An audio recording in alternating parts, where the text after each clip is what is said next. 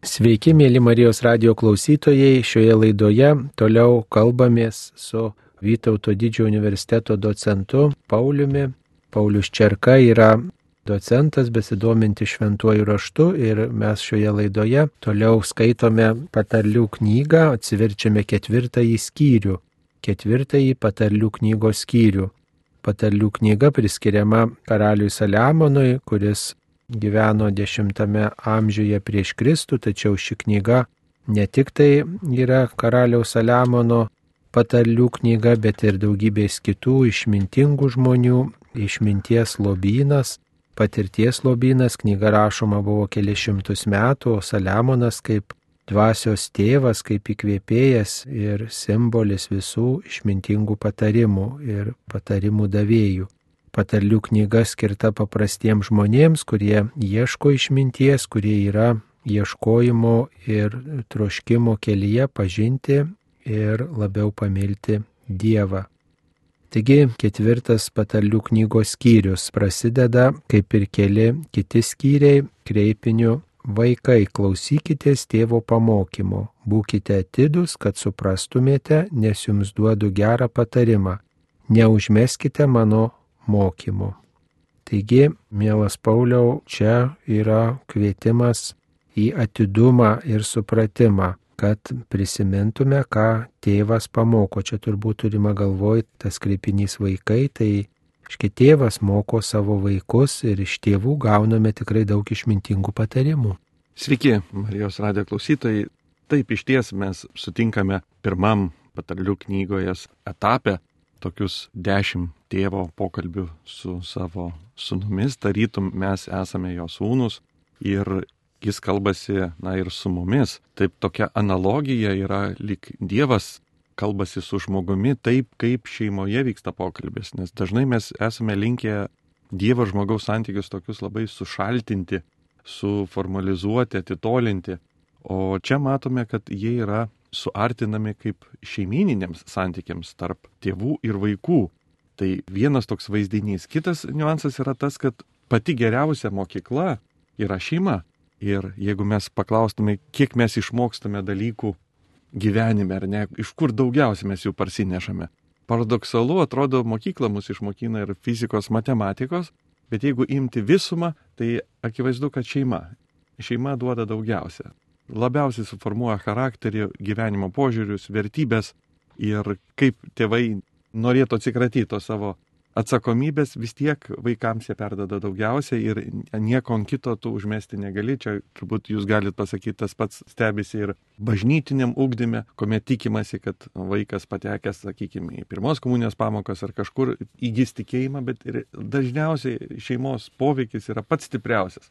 Jį sunku pervertinti ir štai čia mes turime tokį atspirtį, kad išminties taip pat mokomasi šeimoje, o Dievas tą šeimos modelį duoda kaip pavyzdį savo pamokai, kad taip kaip mes išmokstame iš tėvų, taip Dievas nori išmokinti kiekvieną žmogų. Na tas atidumas, būkite atidus, kas yra tas kvietimas būti atidžiais, ar čia prisiminti, ar įsidėmėti, ar dar kokia kita prasme galima pirmoji eilutė, ketvirtos skyriaus pirmoji eilutė, būkite atidus. Čia pirmoji ir antroji eilutė vėl yra tam tikras žodžių žaidimas su nepamiršk mano mokymo ir tas žodis mokymas, mes jau nekartą minėjome, yra Tora, kuris paprastai yra religiniai plotmiai suprantamas kaip Mozės penkiaknygė, tačiau iš tikrųjų jo prasme yra platesnis, gali reikšti ir tėvų pamokymą. Ir čia yra toks sužaidimas tam tikras, kad štai čia tėvų pamokymas yra analogija, yra alegorija Dievo įstatymui, kurio irgi yra žmogus mokomas. O iš tikrųjų tas dėmesingumas, Naujam testamente mes sakom, kas turi ausis te klauso, jisai be galo svarbus, nes čia turbūt prisimintume palyginimą apie sėjėją, kuomet grūdai krenta ir pro vieną ausį išeina, pro kitą įeina ir išeina, ar ne, ir neusilieka. Tai ten su grūdais yra tam tikras vaizdinys, čia su klausimu, bet niuansas toks, kad savaime žodis, jeigu jis nesujungiamas su mūsų pastangomis jį suprasti, apmastyti, jisai tiesiog lieka tuščias. Ketvirtos skyriaus trečia eilutė. Kadaise aš buvau tėvo sūnus gležnas ir motinos numylėtinis. Jis mane mokė ir man sakė, nu ką jisai sakė, aptarsim vėliau, bet kodėl tas pabrėžiama gležnumas, ar čia, kad motina apgaubė savo meilę, tai yra gerai, bet kartu ir neužgrūdina motinos meilė. Čia vertėjai bando, iš tikrųjų, parinkti tokį meilumą, jog Iš tikrųjų, Saliamonas nebuvo vienintelė šeimoje ir tam tikras yra galvosakis šitos rašto vietos, kodėl jis kalba, kad buvau vienintelis, bet žodis vienintelis daugiau yra vertybinė prasme negu techninė prasme. Tai yra tam tikras etapas, labai dažnai jaunystė vaiko, kuomet, na, tėvai ypatinga globa, sakykime, apgaubė savo jaunėlį, galima pasakyti. Nebūtinai tai reiškia, kad jis yra jiem vienintelis, bet tarytum tam tikrų periodų jam dėmesys yra išskirtinis ir jis norėtų va šitą perduoti, kad išskirtinis dėmesys taip, kaip mama myli vos ne vienintelė, ar ne, tai tos meilės perteikimo galbūt modelis ir štai čia yra išminties mokyklos pavyzdys, jog iš tikrųjų Dievas irgi tikisi iš mūsų taip, bendrauja su mumis taip, kaip ta mama su savo numylėtiniu. Čia daugiau turbūt perteikti tas meilės unikalumą. Taip ir dabar čia tėvo tas pamokymas, ko tėvas mokė. Te brangina tavo širdis, ką aš sakau, laikykis mano įsakymų ir gyvensi, įsigyk išminties, įsigyk supratimo. Neužmiršk ir nenukrypk nuo mano burno žodžių, nepamesk jos ir ji tave laikys, mylėk ją ir ji tave saugos. Taigi, laikykis mano įsakymų, čia besikartojantis motyvas ir įsigyk išminties, įsigyk supratimo. Neužmiršk ir nenukrypk nuo mano žodžių. Tai turbūt laikytis tų Dievo įsakymų, laikytis toros yra pagrindas turbūt žydams, bet ir kartu mes suprantam, kad dekalogas kaip po toros tokia santrauka yra taip pat tas teisingas krypties pasirinkimas. Taip, suprantama, sirupas būtų, sakykime, moralinio mokymo, be bejonės. Bet štai čia mes turim tokį, tas įsigyk, žodis gali reikšti, na, nusipirk, taip, tokiu būdu įsigymas mainant į kažką, ką aš turiu ir išmainant tai, kas yra iš tikrųjų tikslinga ir vertinga tas įsigijimas savyje turi tam tikrą ir auką, aš kažko netenku mainais ir įsigyju, kaip žmogus perka, jisgi atiduoda pinigus. Tai tas įsigijimas ne tik, kad eini pro šalį ir pakelk, ką radai, bet įsigyk tai reiškia nusipirk, aukok dėl to, negailėk savo turimų laiko ir kitų resursų tam, kad tu galėtum tą išminti laimėti. Ir čia mes turim tam tikrą vaizdinį iš santokinio santykio, santoko santykio, nes vėliau jisai sako, štai čia šeštoj eilutėje mylėk ją ir ji saugos tave. Ir va čia toks vaizdinys, tarytum vyras ir moteris. Vyras myli savo žmoną, o žmona saugoja namus. Toks va, vaizdinys iš santokinio gyvenimo. Ir pavyzdys, kad žmogaus ir išminties santykis yra panašus į vyro ir žmonos santykį. Iš tikrųjų, toks abipusiai pildantis ir abipusiai naudingas. Ir va čia vaizdinys iš tikrųjų atrodytų, kad jis kalba, jei nežinotum, kad apie išmintį atrodytų, kad kalba sūnui patarimus, kaip rasti žmoną. O vėliau mes prisimenam, kad palaukit, čia jis kalba apie išmintį, bet žodžius parenka tokius, kurie yra būdingi, na, tarytum, žmonos santoko sukūrimo patarimus duotų. Na, išmintis toks gana abstraktus yra žodis ir labai yra gerai susijęti su kažkokia konkrečia patirtimi, kurią žmonija turi, vat vyru ir moters santykis, taip sakant, globojamo ir to, kuris globoja, globotoje santykis yra suprantamas, nes jį patyrė daug kas arba matė, kad kiti patiria, tai tas tada aiškiau. Bet dar norėčiau staptelti ties penktą eilutę, įsigyk išminties, įsigyk supratimo išmintis ir supratimas. Ar čia apie tą patį kalbam, ar čia yra kažkokie skirtingi niuansai to išmintingumo ir supratingumo? Įvairių nuomonių yra, vieni labiau skiria turbūt ir bando išskirti, kiti laiko, kad kažkiek yra sinonimo. Čia, kažin ar verta, sakykime, labai susiaurinti, kad išmintis yra vieni, tarytum dalykai, supratimas kiti, man atrodo, jie labai, na, dera vienas kitą pildo ir kai yra išsakomi visi tie žodžiai, jie tarytum tais visais žodžiais mes nusakom kažkokį tai vieną dalyką, bet su tam tikrais aspektais. Tas neužmiršk, tai reiškia prisimink. Tai turbūt irgi toks iš penktos eilutės antrosios dalies neužmiršk ir nenukrypk nuo mano burno žodžių. Neužmiršk, tai prisimink žodžius, įstatymą, prisimink Dievą, jo darbus, prisimink, ką jis tau sakė, tai reiškia, va, tai tokiu būdu gaivink tikėjimą. Žydams turbūt tas labai svarbu prisiminti Dievo darbus, prisiminti Dievo veikimą, prisiminti jo žodį. Turbūt ir mums krikščionėms tas turėtų būti svarbu prisimink Jėzų, ką Jėzus padarė tavo gyvenime. Taip. Eucharistijos šventimas yra irgi prisiminimas paskutinės vakarienės. Toks stiprus prisiminimas, kad tarytum mes ir joje ir dalyvaujame. Toks prisiminimas peržengintis tik intelektinį atminties dalyką. Ir iš tikrųjų žydai jau turėjo tą sampratą, jog prisiminimas gali reikšti daug daugiau negu tiesiog atsiminti įvykį, bet tarytum į jį persikelti. Žydams, kai jie švesdavo Velykas ir dabar švenčia, yra tie žodžiai, kuomet tėvas kalba vaikams tą istoriją, ten irgi yra apie tą prisiminimą, bet taip perteikima, kad tarytum tai vyksta šiuo metu, persikeli tarytum laiko mašinos dėka į tuos dramatiškus įvykius ir juose vėl sudalyvauji. Tai va tas terminas biblinis prisiminti, jisai peržengia, na, lietuviškos prasmės atsiminti kažką, ką pamiršau, bet tai reiškia tarytum vėl nusikelti ir sudalyvauti. Taip, tai labai stiprus terminas. Septinta eilutė yra tokia išminties pradžia yra tokia įsigyk išminties, įsigyk supratimo, nors tai kainuotų visą, ką turi. Labai įdomu, kad jau truputį kitas motyvas yra nei pirmajame skyriuje, kur buvo kalbama, kad išminties pradžia yra pagarbi Dievo baimė, o čia jau yra įsigijimas išminties, įsigijimas supratimo, nors tai kainuotų visą, ką turi, tai reiškia dėl išminties reikia visą paukoti, visą dovanoti, kad įgyčiau tos išminties. Taip, šitą eilutę, matot, vertėjai pasidalina paprastai, kaip ją versti, nes hebrajų kalboje mes turime tą žodį pradžia ir jis reiškia šiek tiek kitus dalykus negu lietuvių kalboje. Lietuvių kalboje pradžia turi, na, labai konkrečią prasme, bet Rešit žodis hebrajiškai, taip pat kaip ir kitose kultūrose, ir graikiškai, ar he, jis gali reikšti ne tik tai, kas yra pirmas eilėje, bet tai, kas ir svarbiausias grupėje. Tai yra gali reikšti galva, gali reikšti svarbiausias elementas, tai, kas svarbiausia.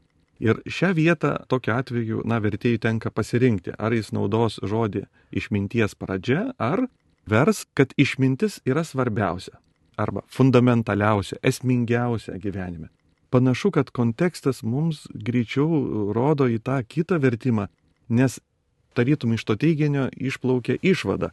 Jei išmintis yra svarbiausia, tai tuomet ją įsigyti yra pats prasmingiausias žingsnis. Tai jeigu ją mes skaitytume taip, kad išmintis yra pirmiausia visų arba svarbiausia visų, tuomet įsigyk ją. Jei suvoksi, kad išmintis svarbiausia, ją įsigysi. Panašu turbūt iš Evangelijos palyginimas Kristaus yra apie žmogų, kuris suradęs lobį sklypę viską parduoda ir bėga nupirkti tą sklypą, kad gautų tą lobį, suvokęs, kiek daug jis atrado. Čia kažkas panašaus, žmogus suvokęs, kokia ta išmintis yra brangi, jisai vėlgi bėga, parduoda, ką turi, kad ją vienai par kitaip sugebėtų įsigyti. Toksai kaip ir tos pradžios mes susidurėm na, šitoj knygoje kelis kartus, bet išminties pradžia yra bijoti viešpaties, dabar išminties pradžia yra jos įsigyti arba išminties pirmumas. Čia įrėminimas visos mūsų knygos, tai tam tikros santraukos, tam tikri esminiai principai išsakyti. Na dar tokia sąsaja gali būti, jeigu reikia dėl išminties visą, ką turiu brangiausia paskirti, tai kaip Jėzus sakė, tokia sąsaja su jo žodžiais, kad kas mylim už mane, labiau tėvą ar motiną nevertas mane, žodžiu, tai labiau už viską mylėti. Labiau už viską, tai. O čia šiuo atveju brangiau už viską. Tai ta taip. pati idėja. Iš tikrųjų, mes skaitom nors apie išmintį, bet turbūt pastebim, kad jį turi tas savybės, kaip apaštalas Jonas kalba apie žodį, logosą. Jok jis buvo nuo pradžios, jo viskas yra sukurta, jis buvo su Dievu. Ir perskaitę, va, sakykime, pirmus devynis skyrius, mes pamatysim, kad visa tai senovės hebrajai priskiria išminčiai tai, ką jau Naujojo testamento bažnyčios paštalai ir mokytojai priskyrė logosui. Ir ką mes žinom, kad tai yra paties Kristaus asmuo. Taip kad čia, kalbėdami apie išmintį, iš tikrųjų mes suvokiam, kad mes kalbame apie patį Kristų, kuris apaštalas Pauliaus korintiečiam laiškė yra vardintas Dievo išmintimi. Taip, o tas įsigyk, tai čia turima galvoj pastangas dėk ir atsisakyk ir siek to, kas yra to išmintis, siek paties Kristaus pažinimo. Tai reiškia, eikvok išteklius, kurie tau priklauso. Nesgi pasakyta, kad jinai nors kiek tau be kainuotų, ar ne? Kitaip tariant, įsigijimas visada kažkiek kainuos. Ir čia toks paraginimas, kad jeigu mes suvoktume, kiek brangus yra tas perlas, mes turbūt negailėdami atiduotume kažką, ką turime, kad tik įsigytume tikrai vertingą objektą. Problema yra, kad mes nesuvokiame tos vertės ir čia yra prieš tai skaitytas kvailys, kuris niekina išminti, reiškia jis niekina jos vertę. Jis nesupranta, o kamgi reikėtų kažką aukoti, kad galėtum įsigyti. Tai pirmiausia, pamoka yra tokia, kad suvokus išminties kainą, vertę, mes noriau kažką ir atiduosim, kad ją įsigytum. Aštunta, devinta eilutė taip skamba brangink ją labai ir ji tave išaukštins, tave ji pagerbs, jei tu ją apkabinsi, tau ant galvos jį uždės grakštų vainiką, apvainikuos tave garbingą karūną. Tai čia pasiekmes, tu turbūt turima galvoj pasiekmes tos išminties atradimo, santykio su Jėzumi. Jeigu aš seku Jėzumi, pasirenku jį, gyvenu, tai čia galbūt galima išvelgti ir tą tokį išrinkimą būti karališkosios kunigystės dalininku. Taip, kita vertus mes čia vėl grįžtam prie tam tikrų vestuvių atributikos, nes čia yra va tie brangink ją, apkabinsi ją ir ant galvos uždės grakštų vainiką, tai tam tikras vestuvinis atributas, kuris buvo naudojamas santokos metu Ir vėlgi tai yra tokia iliuzija tarp žmogaus ir išminties, tarytum vyro ir žmonos, jog na, santokos tas sukūrimas nulėmė labai dažnai žmogaus gyvenime labai daug. Paveikia visą jo gyvenimą. Vienokia ar kitokia santoka yra labiau vykusi ar ne, iš tikrųjų labai paveikia, na ir turbūt labiausiai paveikia, jeigu galima pasakyti, žmogaus gyvenimo padarinius ir patirtį. Ir čia yra tuo pačiu pasakyta, kad iš tikrųjų žmogaus ir išminties santykis yra kaip tik toks. Tai yra labiausiai žmogaus gyvenimą nulemintis ir paveikiantis. Jis gali ir į gerą, na ir kita vertus ir į blogą paveikti, jeigu tu jį atmesi. Dešimtoji, tryliktoji lūtė rašoma, mano vaikė klausyk ir dėkis į širdį mano žodžius, kad ilgai gyventum, mokau tave išminties kelio, vedu tave dorais keliais, kur nereikės tau žingsnių lėtinti ir net jei bėgtum jais nesuklupsi, laikykis mano pamokymo, neužmiršk jo, brangink jį, nes jis tavo gyvybė. Čia kartojasi tas motyvas brangink, laikykis pamokymo, neužmiršk, tačiau 12 eilutė nereikės tau žingsnių lėtinti. Tai turbūt tas, kuris laikosi Kristaus, kaip krikščionis sakytų, kuris seka Kristumi arba gyvena pagal Dievo mokymą apskritai, tai to žingsniai spartus, gal taip galima sakyti, tas neklumpa, nepaklysta, nenuklysta, nes tas nuklydimas tai reiškia sulėtėjų tikėjimo keliai. Taip, e, čia spartų žingsniai nereiškia, kad labai lengva yra jais eiti. Tiesiog tai reiškia, kad žmogui pavyksta įveikti kelionę, ar ne, jis neparkrinta, jis gali judėti ir tam tikrą progreso gyvenimą pasiekti. Visų pirma, eina kalba apie dvasinį progresą ir nereiškia, kad pats kelias yra lengvas, kurio yra einama. Apie tai nekalbama. Kalbama apie tai, kad ėjimas pavyksta. Ir iš tikrųjų mes turim tos pavyzdžius ir šventųjų, kurių neseniai vat, dieną minėjom, jų gyvenimai na toli gražu nebuvo lengvi. Bet jie įveikė. Įveikė daugelį iššūkių ir labai sklandžiai, sakykime, taip įveikė. Herojiškai įveikė ir iškyla klausimas, kodėl jiems tai pavyko. Irgi buvo žmonės, tokie kaip ir mes. Iš kur ta jų jėga? Ir čia panašu, kad va, ta, tie žingsniai ir yra kalbama ir apie tai.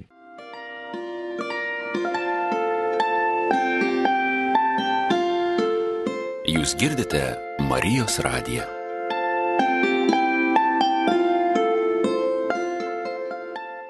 Dar viena vieta, ties kuria galime staptelti, tai dešimta eilutė. Mano vaikė klausyk ir dėkis į širdį mano žodžius, kad ilgai gyventum. Dėkis į širdį mano žodžius. širdis tokia apsisprendimo vieta, pasirinkimo vieta, gal todėl ten reikia dėti, sakytume, tu įsidėmėk, tai čia į protą reikėtų įsidėti mūsų laikai, sakytų, o aš tai šventajame rašte ta svarbiausia žmogaus vieta tai širdis. Taip, širdis. Mes dar šitam skyriui skaitysim apie širdį ir savoka širdis bibliniai kalboje yra, na, šiek tiek kitokia, negu mes turim mūsų jau visuomenėje. Mums daugiau širdis asocijuojasi su emociniu gyvenimu, o, na, bibliniais laikais širdis buvo daugiau mąstymo, giluminio, pačių giliausių žmogaus sprendimų ir viso žmogaus centras kaip visatas. Ir iš tikrųjų, čia galim prisiminti Mariją, kuri dėjosi į širdį visą, kas vyko ir žodžius apmastė kalėdiniam pasakojime. Žinom, tai yra, kad tas įsidėti į širdį ir nuolat apmastyti yra tikrai dvasingumo kelio tokia instrukcija ir modelis. Žodžių laikytis, išmintingai gyventi, supratimo siekti, tai kelias į ilgą amžystę.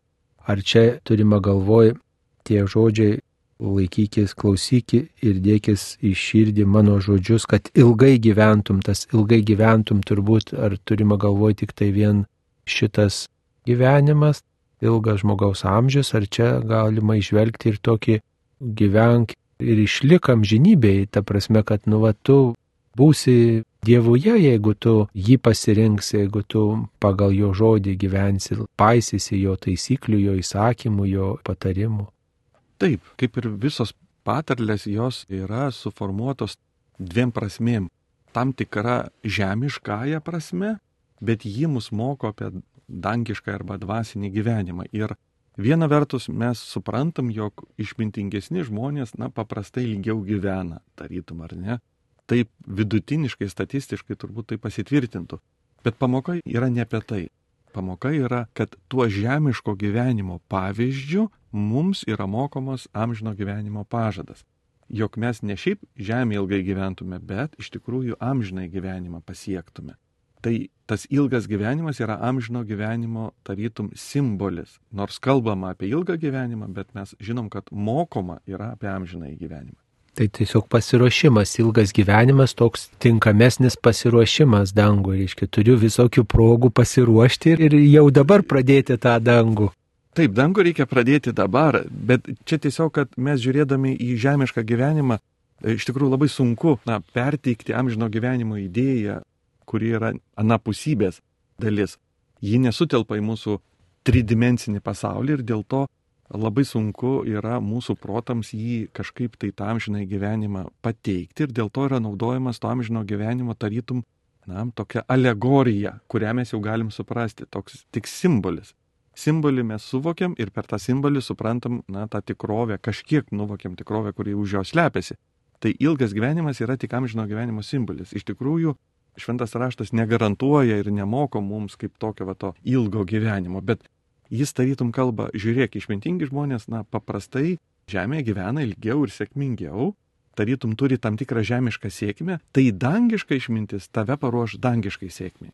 Šventas raštas na, nėra žemiškos sėkmės modelis, bet jis per žemiškos sėkmės simbolį mus kviečia į dangišką gyvenimą. Tai yra būdas, kaip jis kalbama apie Dievo dalykus, bet reikėtų visada tą prisiminti, jog mes čia tik žiūrim į žodžius ir per juos, per tos vaizdinius, kurie jis yra sukūrėmi, žiūrim į tikrovę, kurią labai būtų be vaizdinių sunku tiesiogiai suprasti apie amžiną gyvenimą. Mums būtinas tam tikras to pat ilgo gyvenimo alegorija. Nuo 14 iki 19 eilutės šioje atkarpėlėje kalbama apie nedorėlius ir tiesiog parodoma, kokie jų pasirinkimo gal vaisiai, taip galima galbūt būtų pasakyti.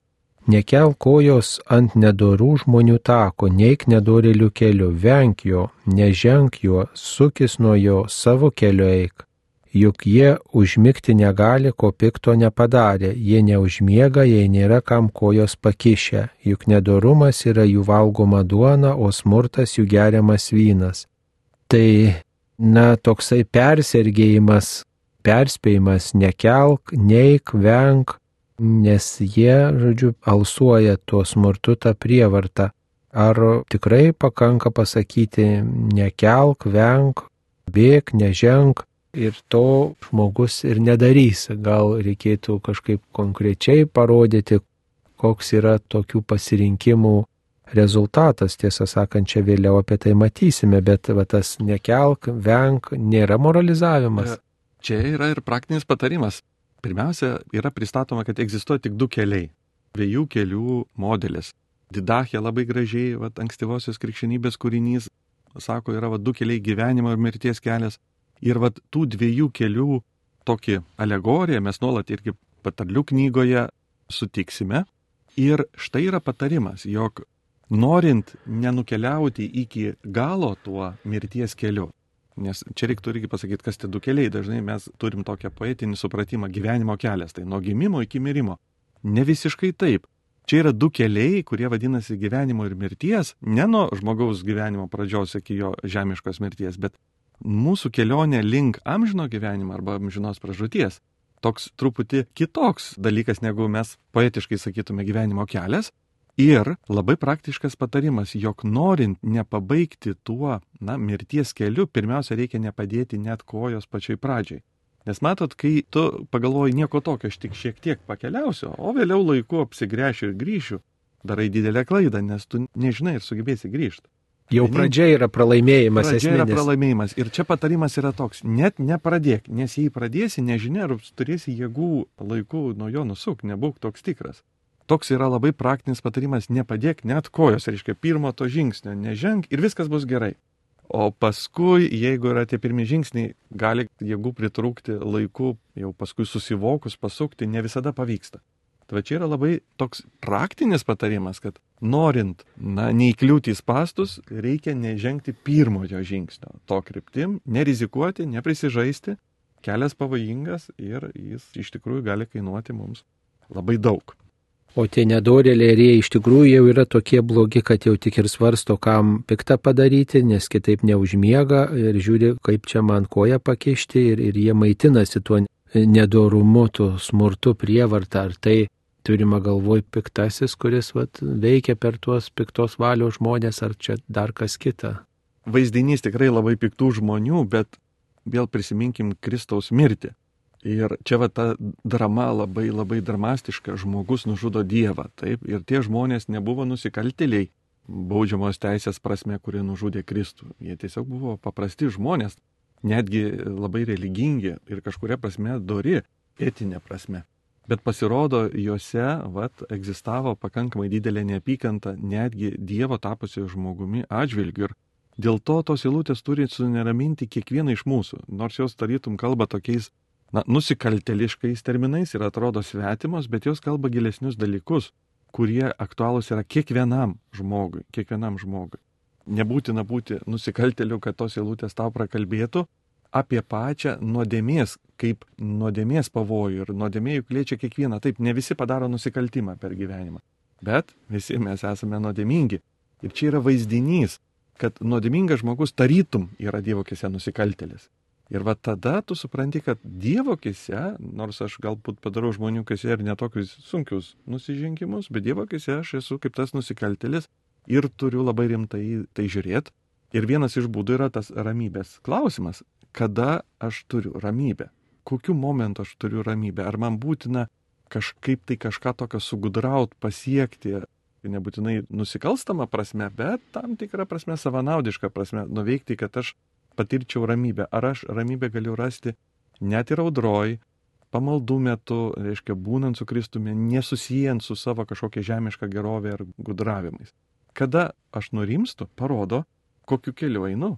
Tie iš tikrųjų raginimai yra kiekvienam žmogui einančiam dvasingų kelių. Bet iš šitų eilučių taip atrodo, kad yra tokių jau piktojo persmelktų nedorumų, nuodėmių persmelktų žmonių, kurie vat tik tuo ir maitinasi, atrodo toksai jau visiškas blogis. Ar taip, čia toksai yra sutirštinimas? Čia yra gal nusikaltelio vaizdas. Mes skaitome apie žmonės, kurie eina nusikalstamų kelių ir akivaizdu, kad mes turim visuomenėje žmonių, kurie pasuka nusikaltimo link, bet čia vėlgi yra vaizdinys, vaizdinys kiekvieno iš mūsų, jeigu mes kalbam apie mūsų nuodėmės. Tai, ką mes žemė vadinam nusikaltimu, Dievo keise yra mūsų tiesiog nuodėmingumas ir tos pamokos jau prisitaiko ir mūsų dvasiniai kelioniai. Nors vaizdinys iš ties yra nusikaltimą darančių žmonių, bet tai yra tik vaizdinys. kuris kalba kiekvienam iš mūsų apie mūsų nuodėmingumą. 18-19 eilutė yra sugretinimas teisiųjų ir nedorų žmonių. Štai skaitome, bet teisiųjų takas yra tarsi aušro šviesa, vis labiau švintanti iki skaiščios dienos. Nedorų žmonių kelias yra visiškai tamsus, jie nežino, ant ko suklumpa. Na tai šviesos ir tamsos įvaizdis suprantamas turbūt daugeliu, nes patamsi mes tikrai dažnai suklumpam, atsitrenkiam, įlipam į kažką, o kai yra šviesa, tai jinai džiugina žmogų ir negalima paklysti tada, mažiau tikimybės bent jau.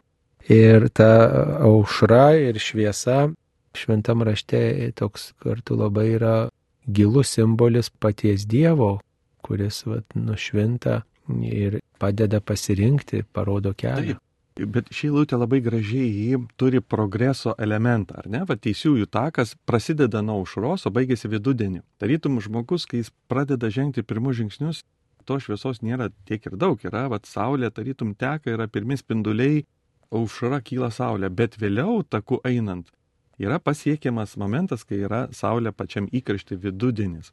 Ir va tai yra teisumo veikimas žmoguje. Čia labai svarbu, kad katalikiškas mokymas apie išteisinimą pabrėžia išteisinimo progresą. Jog žmogus nuo krikšto atsivertimo metu pradeda kelionę, bet ta kelionė vystosi ir teisumas auga, jis progresuoja. Ir jeigu na, mes kelionė sėkmingai pasiekėm tą vidudienį, mes galim pasakyti, va tai yra, kada atsiranda tas pilnas šventumas, taip, kada bažnyčia gali žmogų iš tikrųjų nesakyt, kad jis buvo tobulas, bet tikrai jis pasiekė tą vidudienį, iš tikrųjų jame tobulai suspindėjo teisumas. Bet labai svarbus yra progresinis elementas, nes iš tikrųjų yra ir na, kiti požiūriai, jog teisumas yra visas arba nieko, ar ne, toks nulis ir vienas, tai yra arba visa šviesa, arba visai nėra šviesos. O štai čia mes matom bibliniai kalboj, kad šviesa yra, bet gali būti ir daugiau šviesos. Ir teisumas yra, bet jo gali būti dar daugiau. Jame galima aukti ir progresuoti. Ir va tokie dalykai kaip šviesa, gyvybė, jie turi tam tikrą intensyvumą, tam tikrą progresą. Čia labai svarbi yra idėja, jog žmogus yra atsivertimo metu išteisinamas, iš tikrųjų jis yra teisus, bet tuo pačiu jis dar gali būti vėl teisesnis negu buvo vakar. Atrodo paradoksas, jeigu mes žiūrim grinai tą jurisprudencinę pusę ir jeigu mes tą teisumą palygintume su išteisinamoji nuosprendžių, tai atrodo tai būti negali. Negali žmogus būti labiau ar mažiau išteisintas. Taip, jeigu taikai analogiją su teismo salė, tada nepersiduoda šitas elementas, bet su dienos įdėnėjimu tai persiduoda, nes saulė vis stipriau šviečia, jį aukščiau kyla ir to šviesos pasirodo gali būti vis dar ryškiau. Tai čia iš tikrųjų labai fundamentalus na, požiūris ir labai gražus vaizdinys, tai, ką mes mokome ir suprantame apie tikinčiojo išteisinimo kelionę. Ji prasideda, bet ji auga. O ta skaisti diena nėra čia kartu ir tas amžinybės simbolis, kad teisiojo kelio tikslas, pasiekmė to kelio kelionės yra amžinas gyvenimas. Vienai per kitaip, kaip mes tą skaičią dieną pasiekėm, ar žemėje pavyksta, ar teks dar, sakykime, pasitobulinti, po žemiškos kelionės, tai yra momentas, bet jo, kulminacija teisėjo yra galutinis tas vidudinis, tai yra nu, įdėnėjimas skaisti diena arba maksimali ta šviesa. Nu, jeigu čia yra 18 eilutė toks progresas, tai 19 eilutė galima sakyti regresas toksai, nes nedoras žmogus pasirinkęs tamsos kelią, nedori žmonės, jie nežino, ant ko suklumpa.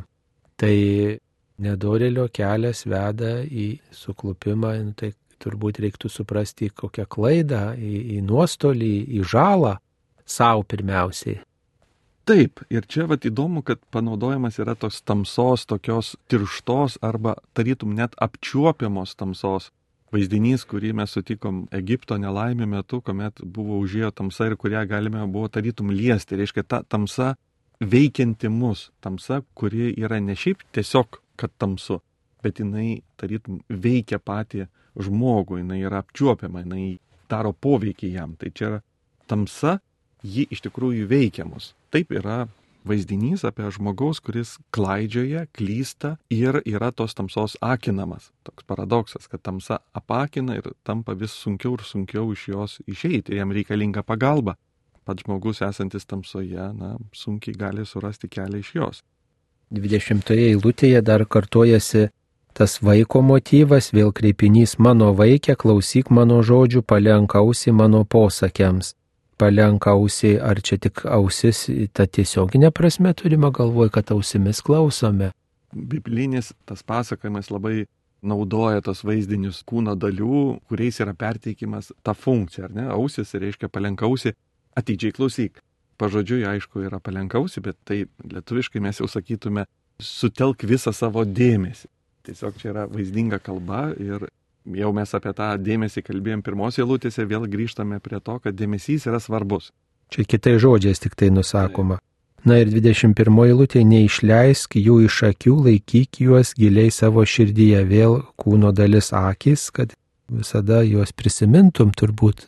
Tai čia iš tikrųjų pereinam kūno dalis dar kartą Pasibaigiant ketvirtam skyriui vėl mes pereisim kūno dalis išvardintas ir tam tikras yra pamokymas, kaip tas žodis patenka į mūsų širdį. Iš tikrųjų jis nepatenka taip labai tiesiogiai. Iš pradžių reikia atidžiai klausyti, paskui jį skaityti, ar ne iš savo akių, ir tik tada mes jį nuleidžiam tarytum į savo gelmę. Ir iš tikrųjų yra taip, kad norint, kad tu kažką suprastum, suvoktum, neužtenka tik tai provermiais kažkur kažką išgirst reikia atidumo, reikia perskaityti ne vieną kartą, įsižiūrėti, peržiūrėti sakinį tą mintį ir žiūrėk, tos idėjos jos jau tada lieka pas jį giliai viduje. Tai čia yra tarytum tokia instrukcija, kaip medituoti švento rašto tiesas, medituoti maldą ir kuo ilgiau tu lieki, tuo jinai giliau tavyje nusileidžia.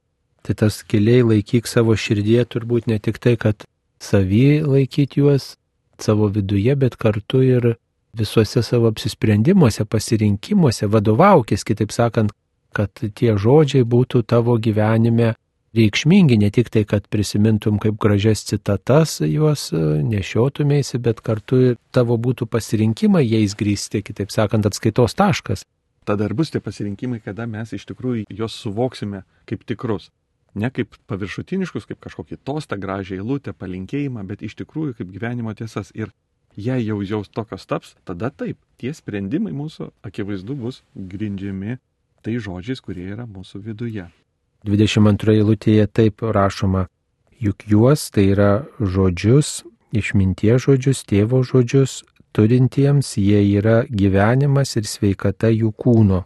Tai vėlgi čia turbūt turima galvoj ne tik tai šitas gyvenimas, bet ir tai yra suvokiama, kad tai amžinybę dvelkiantis žodžiai, Dievo žodžiai, Dievo išmintis, švento rašto tiesos, pamokymai, tora, įsakymai ir kartu tai laiduoja, apsaugo mūsų kūną nuo visokių lygų, net ir nelaimių ir nuodėmių, kurios kenkia mūsų kūnui. Taip, čia yra vaizdinys, vaizdinys to, kad jeigu vaikas klauso tėvų pamokymo, paprastai problemų jis gyvenime turės mažiau, ar ne, akivaizdu. Reiškia, jis nuo daug apsisaugos, nuo įvairių tragedijų ir nelaimių pilnai gali būti apsaugotas. Lygiai taip pat kiekvienas žmogus, nebūtinai vaikas, savo dvasiniai kelionė, jeigu jis klausys Dievo pamokymų, jis tikrai apsaugos jau šį kartą ne savo kūną kaip vaikas, bet jau apsaugos visą savo esatį, ar ne? Jau čia mes galim kalbėti ne apie kūną, bet apie visą žmogų. Tiesiog vaizdinys yra vaikas apsaugo savo kūną, o žmogus apsaugo savo sielą. Čia per vaiko vaizdinį mes pamokome esam savo gyvenimo saugumo. 23 eilutėje taip prašoma atsidėjęs saugok savo širdį, nes iš jos teka gyvenimo šaltiniai. Tai saugok turbūt nuo tų nuodėmių, nuo nedorumo. Taip, čia viena iš tų eilučių, kuri yra tokia vėlgi fundamentali, toks, sakykime, apibrėžiantis mokymas, esminė mintis, jog dažnai mes esam linkę mąstyti, kas yra mūsų gyvenime jautriausios vietos, kokios yra pačios jautriausios temos ar vietos.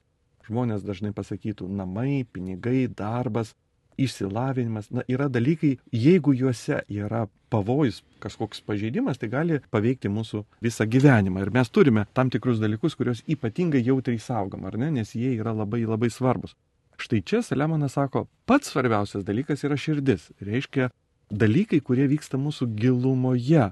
Ir jeigu ten užsiteršia šaltinis, tai užsiteršia aistra, godumu, pavydu ar ne tokiais dalykais, kurie tarytum visuomenė ir nėra labai laikomai pavojingi, bet jie užteršia mūsų patį patį ten, kur gimsta idėjos, gimsta gyvenimiška energija. Ir jeigu užsiteršia tas šaltinis, tai vėliau, nepaisant to, kur tas vanduo jau nutekės, jau jis yra nebe toks, jau nebėra to gyvybiško vandens, tu prarasi tą gyvenimo energiją, gyvenimo džiaugsmą, gyvenimo jėgą.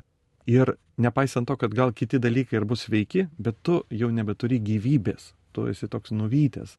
Tavo viduje yra tas sugraužimas. Tai šita eilutė yra labai labai svarbi, jog jį rodo, kad žmogaus viduje yra pagrindiniai procesai. Patys jautriausi procesai. Ne išorėje, netgi ne kūnas, netgi ne mūsų būtis, netgi ne mūsų turtas, netgi ne mūsų santykiai. Visa tai jau yra sekančioj linijai pačioj pirminė linija yra mūsų širdis. Todėl jos saugojimas turi būti natūraliai pats svarbiausias dalykas, nes ten ir išmintis gali būti, arba ten gali būti kvailumas. Ir jau nuo jo prasideda visi kiti dalykai, visi sprendimai, pasirinkimai, žmogaus gyvenimo klajonės ar priešingai, sveiki pasirinkimai. Reiškia, nuo tų sprendimų, o sprendimai iš kur? O sprendimai iš širdies. O kas širdyje? Reiškia, mes prieinam prie pačios pačios esmės. Tai šita eilutė tikrai šios skyriaus yra viena tokių kertinių eilučių ir gražus labai širdies kaip šaltinio, žmogaus gyvenimo šaltinio vaizdinys, kad tai yra žmogaus gyvenimo pagrindinis, svarbiausias, jautriausias organas. 24-26 eilutė tai prašome venk kalbėti apgaulingai, suktas kalbas mesk šalintė, žiūri tavo akis į priekį, tiesus te būna tavo žvilgsnis. Žiūrėk, kur eini ir visi tavo keliai bus tikri. Taigi žodis, kalba ir žvilgsnis. Taip, vėlgi išvardinamas yra kūno dalis, bet iš tikrųjų mūsų visą veiklą galima suskirstyti į tai, ką mes darome, tai, ką mes mastome, tai, ką mes kalbame. Čia prisimenam turbūt, kaip šventų mišių metu yra atgailos, reiškia aktas, kurį mes sakome, leisk mums. Ir apsileidimus, ir žodžius, ir mintis, ir darbus. Taip, tai yra tarytum čia yra vaizdingai išvardinama visas žmogaus būdas, kaip jis veikia Ir tie dalykai iš tikrųjų, jie pirmiausia paveikia mūsų širdį, o jau paveikų širdį paveikia mūsų gyvenimą. Reiškia, toks yra mechanizmas, kaip žmogus yra paveikiamas. Na ir 27 eilutė tokia labai mislinga, nesuk nei dešinę, nei kairę, nukreipk savo koją nuo pikto. Kas čia ta kairė ir dešinė? Na turbūt tam tikras balansas. Mes žmonės esame visada linkę į kraštutinumus. Kažką norim perlenkti, perakcentuoti arba labai labai vieną pusę, arba labai kitą pusę. Čia toks vidurio kelias. Yra tikrai klausimai, kur būtent balansuotas požiūris, neperlenkit vieno ar kito, yra pats tas, nes tas perlenkimas jau yra išsibalansavimas, nesveikumas. Tiek dvasinėse praktikose, tiek visur kitur reikalingas balansas. Aišku, čia reikia atskirti tas darybės, kur reikalingas balansas ir yra darybės, kur balansas netinka. Pavyzdžiui, teisingumui balansas netinka, jisai negali būti, na, toks subalansuotas teisingumas. Jis arba jis yra, arba nėra. Bet va, yra kiti dalykai, drąsa, yra kiti niuansai, kur iš tikrųjų reikalingas balansas, tu turi neperlenkti lasdos. Nes perlenkta lasda jau bus nukrypimas, kuris veda į piktą. Šioje laidoje, mėly Marijos radio klausytojai, kalbėjome su Vytauto didžiojo universiteto docentu Pauliumi Čerka apie patarlių knygos ketvirtąjį skyrių, kuriame tęsiami pamokymai ir kviečiamas žmogus pasirinkti išmintį kaip visokios gerovės šaltinį, ramybės šaltinį, nes išmintis yra paties viešpaties žodis, jo pamokymai, pilniausiai atsiskleidžiantis, kaip mes krikščionys suprantame, Jėzaus Kristaus istorijoje. Šioje laidoje Paulių Čerką kalbino aš kunigas Saulis Bužauskas. Visiems linkime išminties dovanos. Ačiū sudė. Sudė.